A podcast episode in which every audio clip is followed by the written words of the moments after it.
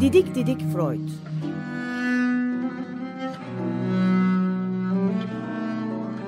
Freud'un ailevi ve tarihi romanı. Serol Teber ve Şenol Ayla. 10 yıl sonra tekrar.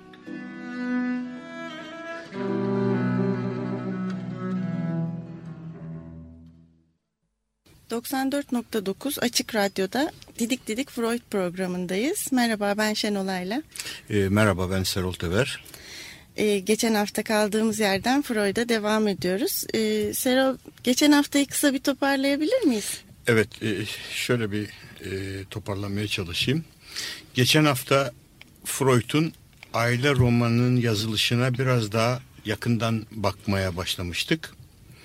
1880 yılı ile 1900 yılları arasında geçirdiği yoğun psişik bunalım dönemlerini, büyük yalnızlığını, muhteşem yaratıcı melankolisini tartışmaya çalışmıştık. E, Freud daha Paris'teyken ilk şoku yaşamıştı. Bu hem Charcot'un kişiliğinin getirdiği büyük şok hem de Paris kentindeki kültür şokunu. Viyana'ya döndüğünde kriz öncesi kriz diye de tanımlanan çeşitli psikosomatik reaksiyonlar göstermeye başlamıştı. Kalp bölgesinde lokalize olan sancılar, taşikardi, kronik kabızlık, solunum bozukluğu, uykusuzluk, ölüm isteği gibi. Ee, 1893 yılında iyice çözülme dönemine gelir onun psişik yapısı. Buna göre yeni bir kriz başlar. Kendisine hatırlattığımız gibi sigaraya sigarayı bırakması öngörülür fakat kabul etmez. Hatta öleyim daha iyi gibi evet, bir şey e, Evet, e, e, hakikaten önemli bir yanıttır bu. E, sigarayı bırakaraktan mutlu yaşayacağıma sigarayla birlikte mutsuz da olsa kısa e, sürede keyifli yaşayayım. Evet. E, Freud gene bu ara 1894 yılı Haziran ayında ilk kez sonradan psikanalizin temel kavramlarından biri olan libido tanımını kullanır. Sanıyor. Libidoyu evet. Evet bir iki şeyi Anlatalım. biraz açmanın gereği olacak. Libidoyu cinsel şöyle yazar o. Cinsel içgüdülerde saklı ya da yoğunlaşmış enerji yüküne, yüküne libido adını verdim der. Evet. Ee, ilk kullandığı cümle mektup şöyledir. Yine kendi e, kendine bulduklarını tanımlamaktadır burada. E, burada e, altını çizmek isterim yaza izleyicilerin dikkatini çekmek isterim ki kullandığı bütün tanımları ilk kez kendisinde duyumsamıştır. Ya da çoğu zaman kendisinde duyumsamış. Sonra bunları duyumsadığı için duyumsadığı gibi de e, dış dünyaya yansıtmıştır. Belki onun inandırıcılığı ya da gücü e, biraz da buradan gelmektedir. Cinsel mektubunda şöyle yazar. Cinsel gücümün libidomun çoktan yitip gittiğini duyumsuyorum. Arkadaşına yazdığı mektupta böyle der. Evet. Burada bazı kavramlara e, anımsatmaya devam edelim gibi geliyor bana. Evet iyi olur. E, örneğin psikanaliz literatüründe çok kullanılan içgüdü, dürtü tanımlamaları var. Çok sık geçiyor. Gene burada e, içgüdüyü ve dürtüyü gene kendisinden kalkaraktan şöyle tanımlar. Biyolojik gereksinmelerin öncelikle ruhsal gerilimler ve ruhsal heyecanlar olarak duyumsanması ve canlının, insanın yani benim kendisini söylüyor tabii burada. Evet. Yaşanan, yaşadığım bu bedensel ruhsal gerilimi ve heyecanı çözmeye yönelik hareketlere ve davranışlara zorlanışımı anlatmak istemekteyim. Hı hı, hı. İçgüdüyü böyle tamamlar. Ee, biraz bir iki cümlede bilinç dışından söz edersek çok e, söz ediyoruz. Daha önce yazarların, şairlerin, filozofların sözünü ettikleri, kullandıkları bilinç dışı tanımını geliştirip psikanaliz kuramının temel kavramlarından biri olarak kullanır Freud. Tabi hemen şurada bir parantez e, açıp şunu eklemek isterim. Beynimizde merkez sinir sisteminde bilinç dışı diye bir bölge yoktur. Bu sanal fiktif bir evet. e, konsepttir bir anlamda. Çünkü beyinde bugün en iyi MR tekniklerinden bile PIT araştırmalarıyla bile bilinç herhangi bilinç dışı diye görmedik. bir şey görmedik, bulmadık. Ama bundan sonra bulunur mu bulunmaz mı bilmiyorum ama bu bilinç dışı tanımı tamamıyla sanal bir e, bölgedir, sanal bir tanımlamadır. Bilinç dışının içinde yaşanan kültürün etkilerini, kısıtlamalarını, yasaklamaları barındırdığı, birikmiş bir tortuyu zaman zaman çeşitli yüceltmelerle, saptırmalarla, çarpıtmalarla bir tür bastırılmışların geri dönüşü olarak yeniden bilinçli yaşama yansıttığını vurgulamıştır. Tekrar etmeye gerek var mı acaba? Ee, yok sanıyorum. Hı. Kısaca bilinç dışı, kısa tekrar özetlersek bilinç dışı bastırılmış istekler, dürtüler, yaşanmak isteyip de yaşanamamış arzuların barındırmaktadır. Ama onlar bir gün kılık, kıyafet değiştirerekten ya da tam e, eski Türkçesini söylersek bir tür tepdili kıyafet ederekten bizim bilinçli dünyamıza gelip kendilerini şu ya da bu şekilde gösterme çabası içine girerler. Bunlar normal yollardan girip bu gerilimi boşaltamazlar ise işte e, sözünü ettiğimiz hastalık belirtileri olarak bu kez kendilerini gösterirler. Az önceki Freud'un belirtileri e, gibi. Freud'un Freud'un belirt tam da öyle.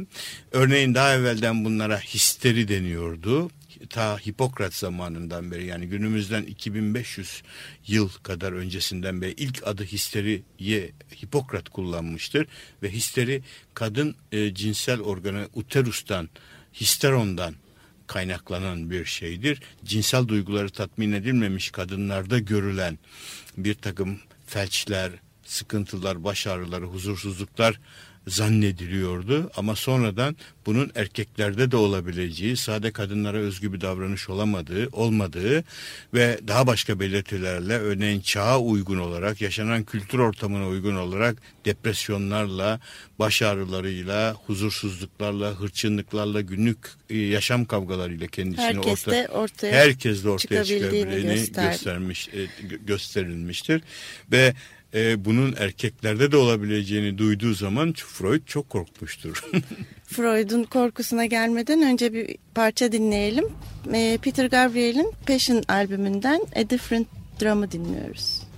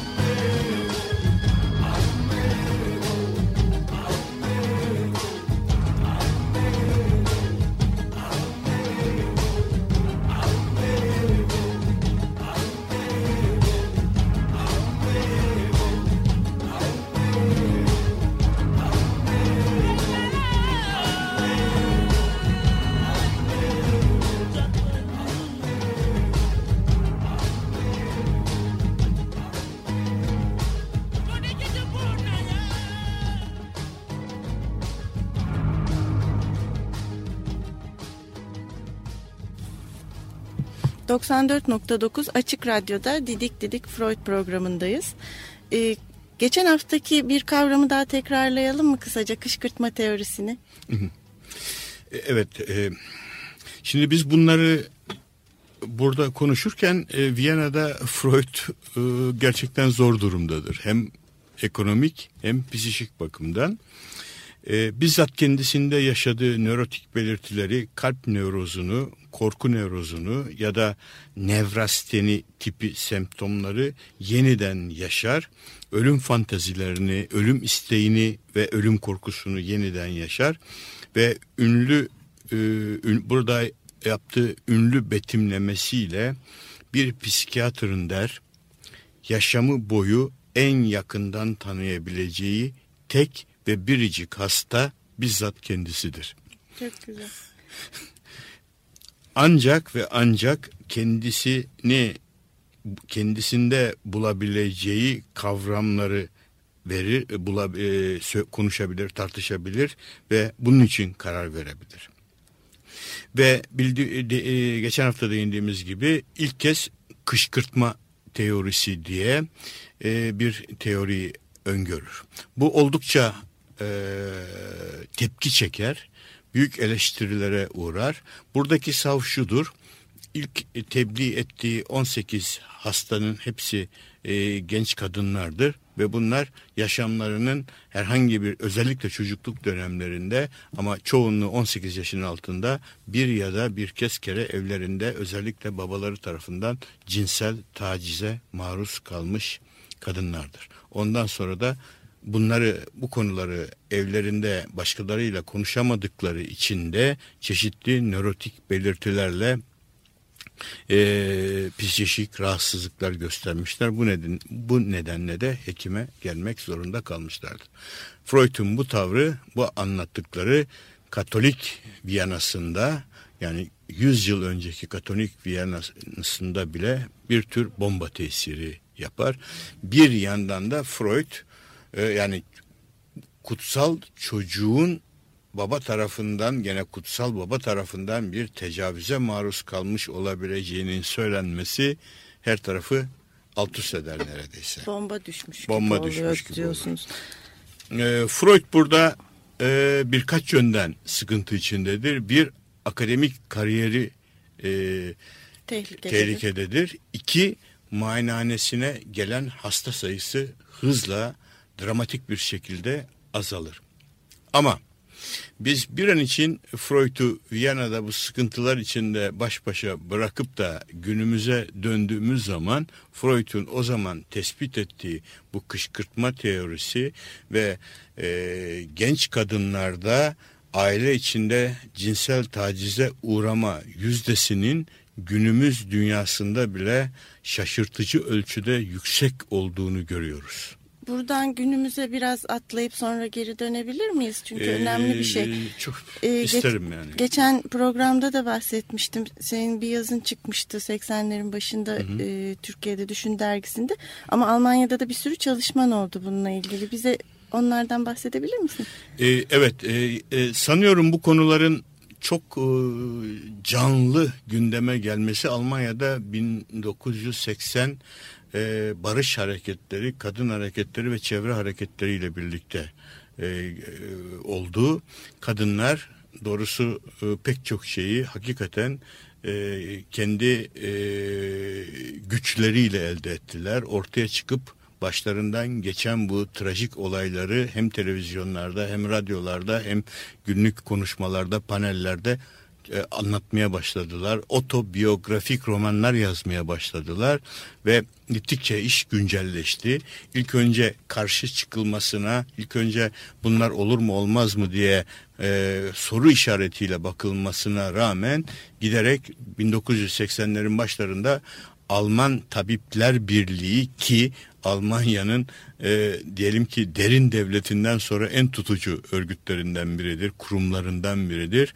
Tabipler Birliği'nin haftalık dergisinde artık ne diyeyim e, mızrak çuvala sığmaz hale geldiği için uzun e, Tartışma. uzun tartışmalar başladı ve birkaç yazı çıktı. Burada burada e, ortalama bir e, çıkarsamayla her üç buçuk ya da dört yani üç ya da dört kadından birinin 18 yaşından aşağı yaşlarda ki bu yaş ortalama 9 yaş, 9,5 yaştır. Ee, babaları ve ya da babalıkları ya da abileri evin içinde biri tarafından tecavüze uğradığı, taciz edildiği artık e, açıkça itiraf edildi. Yani toplumsal bir skandal açıkça itiraf edildi. Tecavüz eden kişinin ortalama yaşı 35'ti. Benim Hamburg Sosyal Araştırmalar Enstitüsü'nün bir e, alan çalışmasında binlerce kadında yaptığı çalışmaya e, tecavüze uğrayan e, genç kızların yaşı da 9.3 dolaylarındaydı.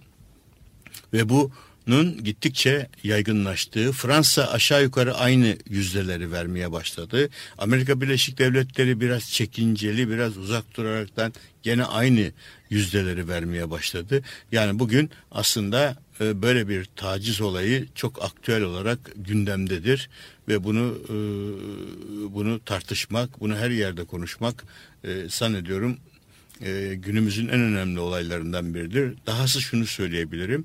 Ben Almanya'da hem e, erişkin psikiyatrisinde hem çocuk psikiyatrisi kliniğinin e, konsilyer hekimiydim. Bugün bugün Almanya'da çocuk psikiyatrisinde yatan genç e, kızların Türkiye'den gitme genç kızların en büyük bölümünü evlerinde babalarından ya da evin e, ailenin yakınlarından e, kendilerine gelen böyle Tacizler. cinsel taciz oluşturmaktadır.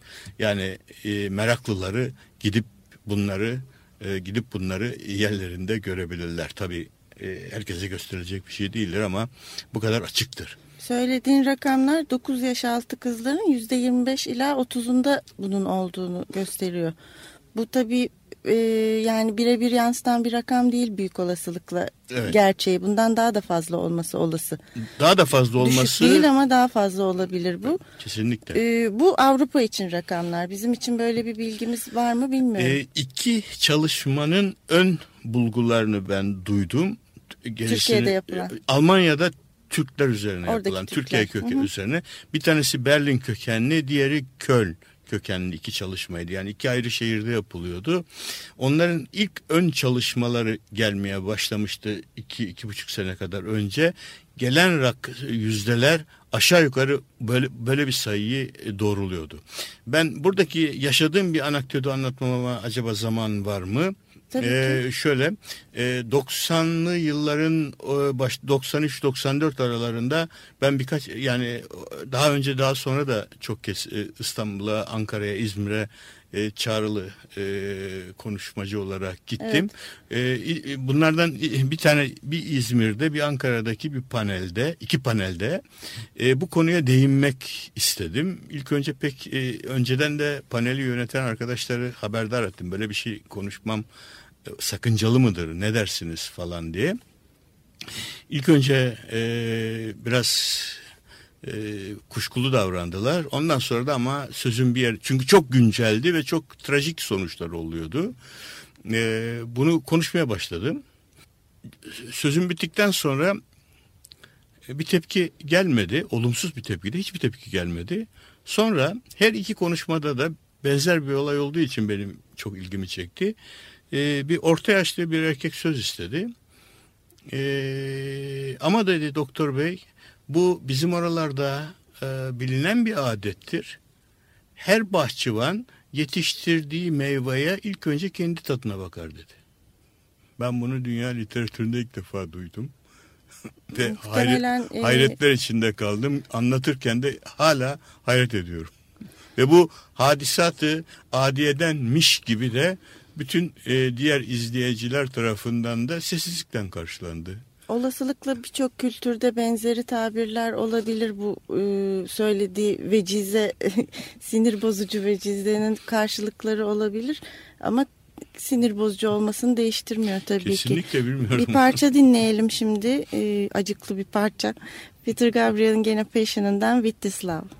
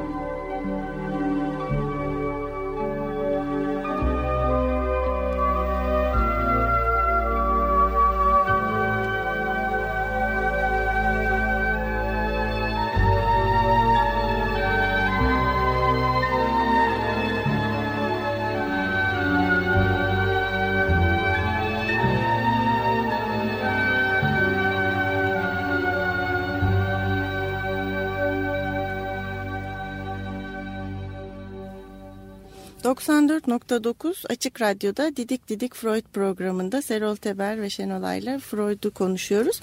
E, Freud'un kendi analizine dönelim mi? Günümüzden tekrar Evet. geriye bir yüzyıl geri gidiyoruz. Otoanalizine başlamıştı Freud.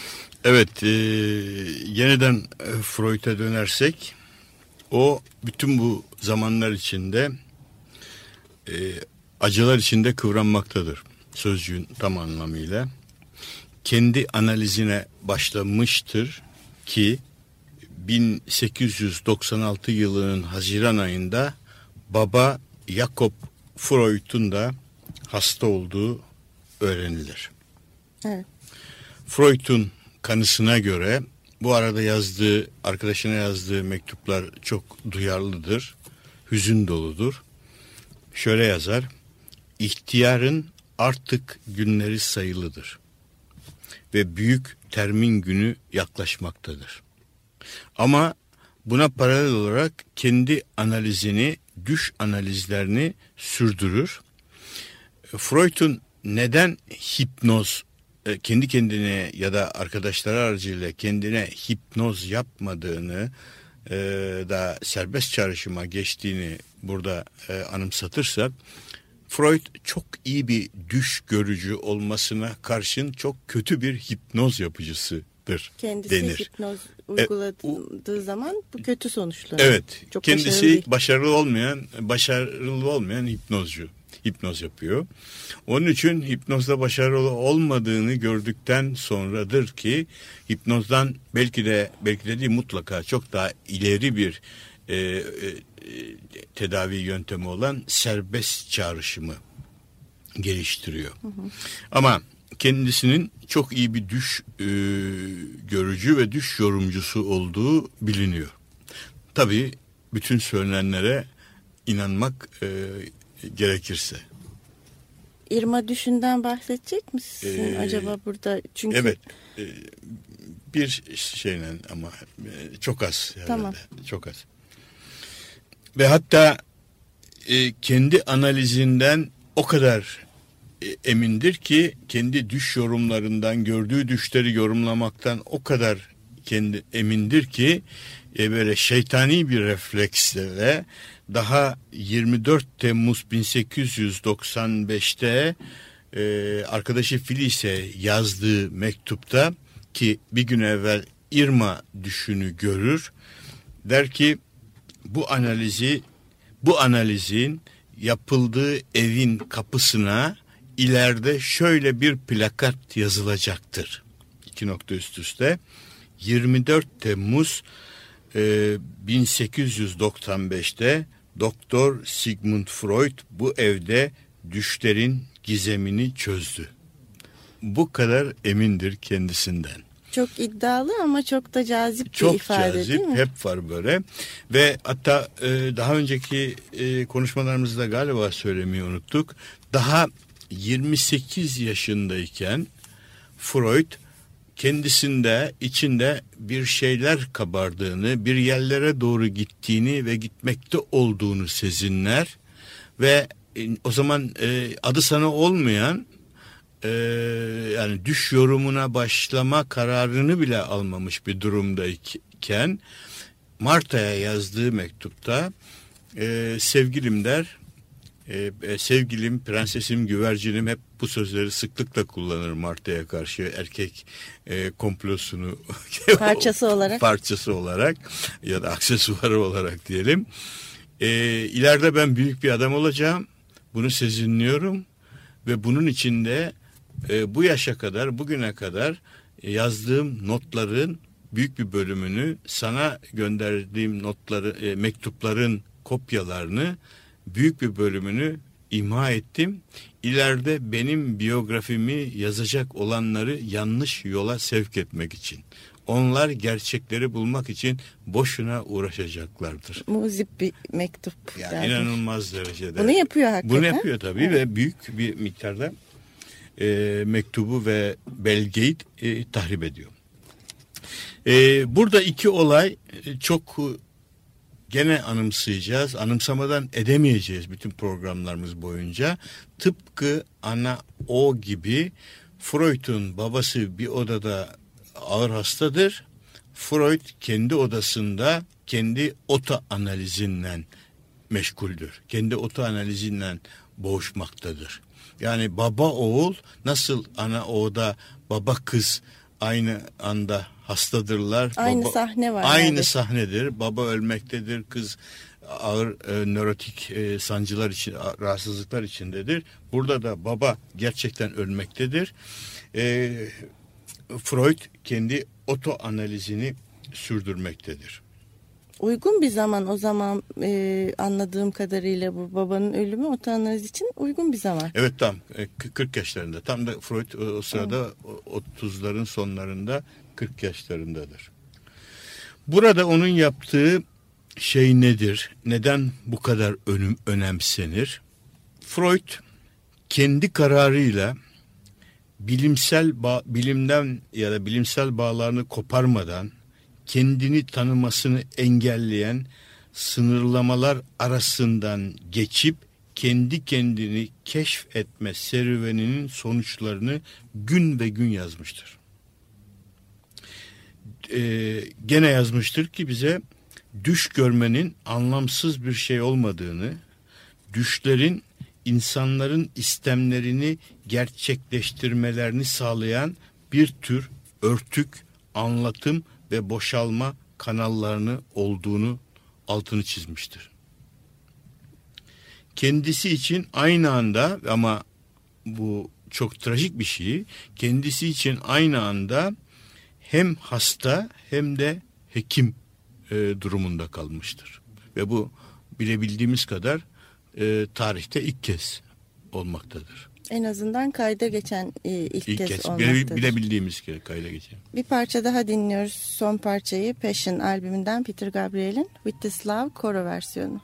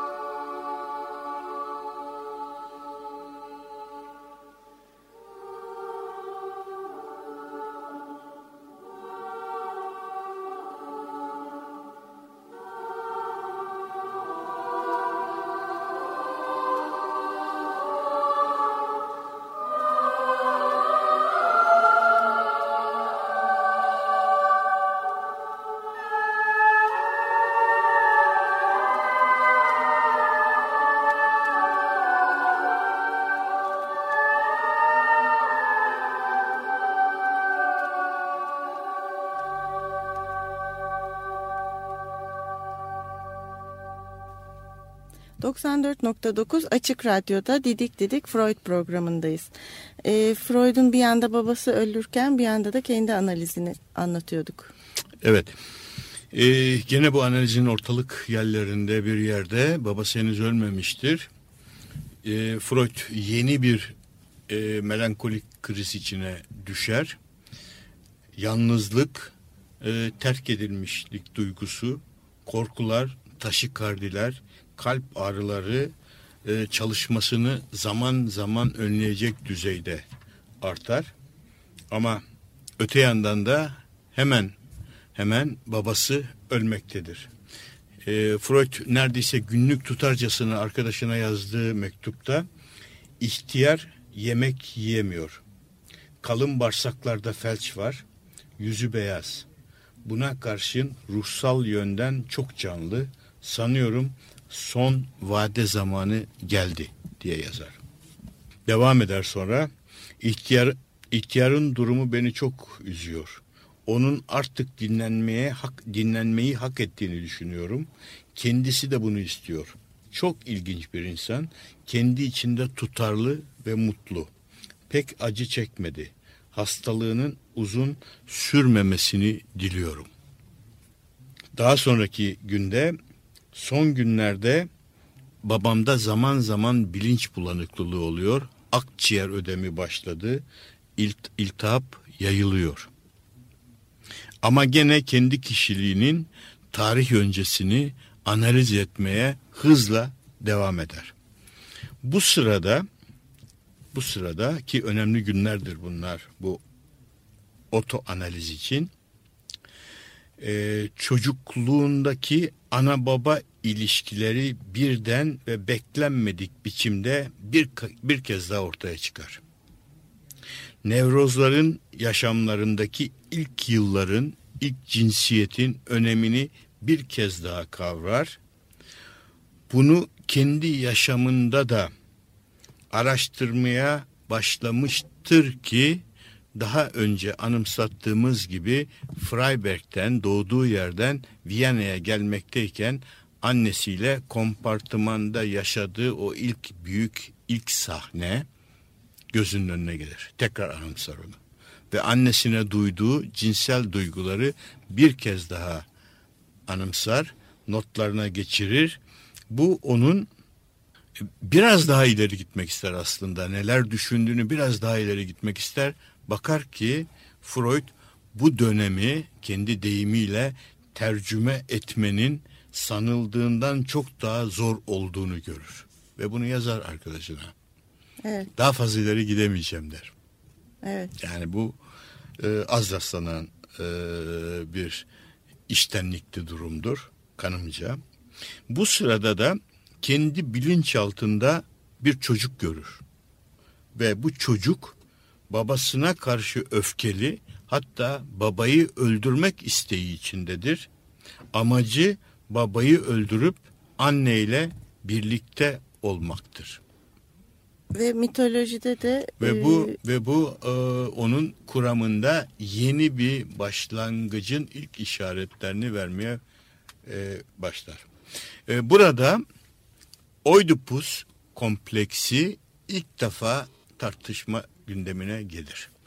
E, yani Freud kışkırtma teorisinden Oidipus kompleksi teorisine geçmek üzeredir ya da geçmiştir. Oidipus'tan bahsedelim e, değil mi? Ya da daha mı sonra bahsedelim?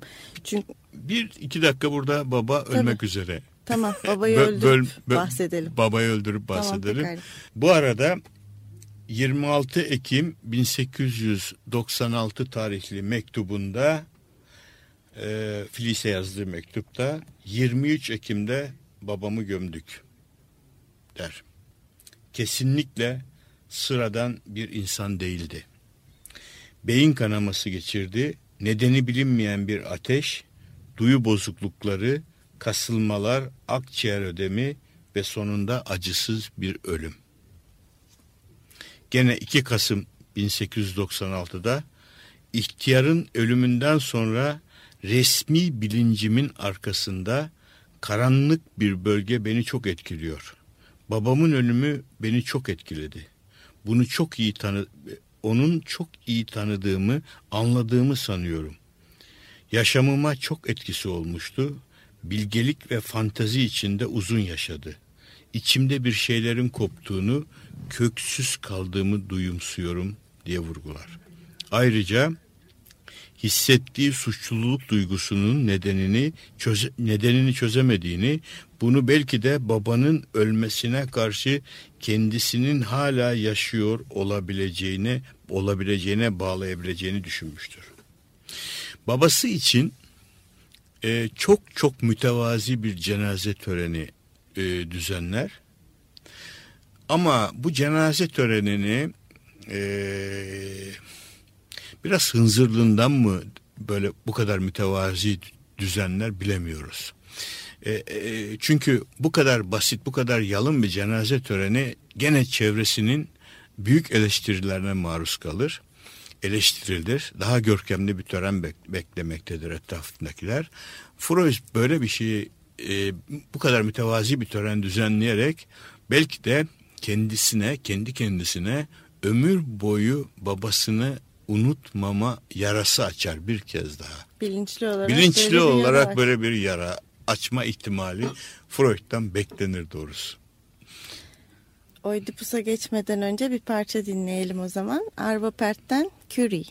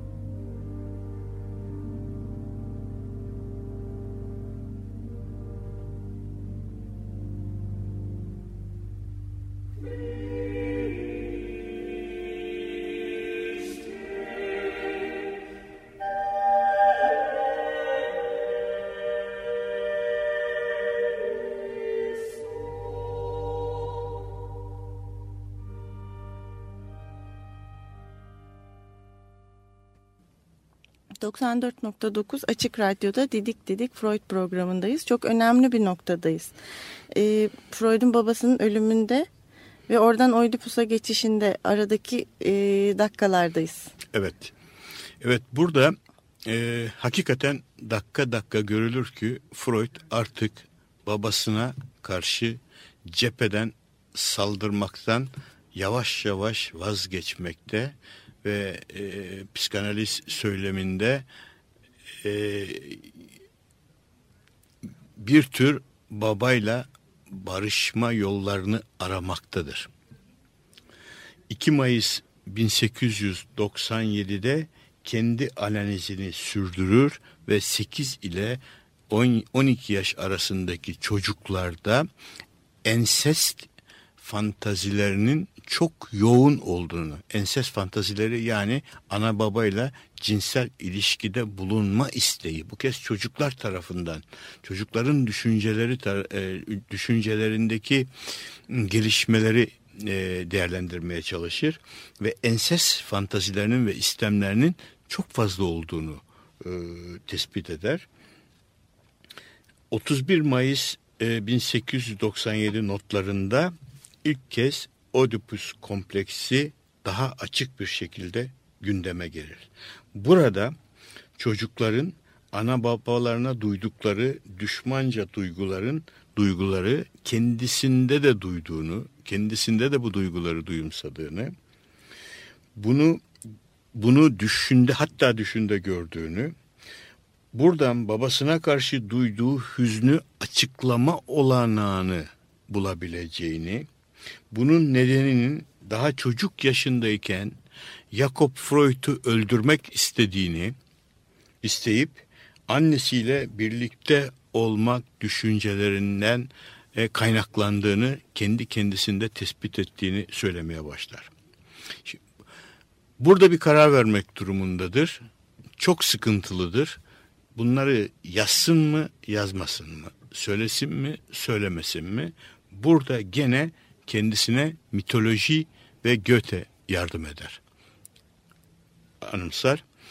Burada Delphi tapınağı kahininin 2500 yıl önce önerdiği kendini tanı uyarısını ve çıplak hakikat getirmesi olası felaketlere rağmen ihtişamın doruk noktası olarak görülür, özdeyişini anımsar ve hemen ardından Goethe'nin bir dahinin ilk ve son istemi hakikat aşkı olmalıdır dizesini bir kere daha kendi kendine yüksek sesle söyleyip duyduklarını, düşündüklerini yazmaya başlar. Ve insanın kendi ruhsal dünyasını anlamadan başkalarını anlamaya çalışmanın olanaksız olabileceğini bir kez daha düşünür ve yazar. Tabii bu arada yeniden bir ruhsal çöküş dönemine girer ve ağır bir melankolik kriz yaşamaya başlar. Ama e, o Sofokles'in trajedisindeki gibi Oidipus'u ortaya koymaya Goethe'nin ışığında Goethe'nin karar ışığında verir. karar verir. Ve bu ara gene arkadaşına yazdığı çok e, kullanılan entelektüel bir felç der kendi kendisine.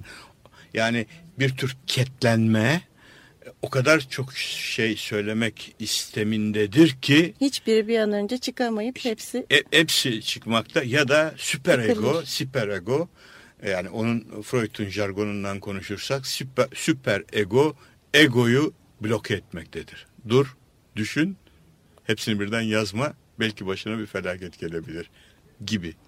ki nitekim daha önce gelmişti Evet, açıkladığı şeylerde. Oidipus'a e, uzun uzun girmemiz gerekiyor. Hmm, Onu öbür haftaya mı bırakalım? Herhalde, Evet. herhalde. E, bir parçayla hoşçakalın diyoruz. Stan Getz'ten Blueser.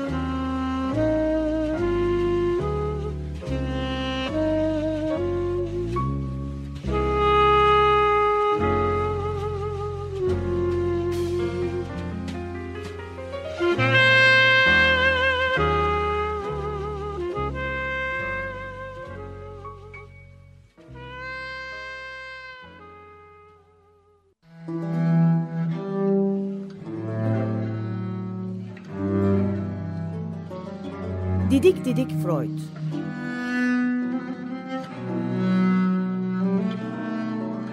Freud'un ailevi ve tarihi romanı. Serol Teber ve Şenol Ayla. 10 yıl sonra tekrar.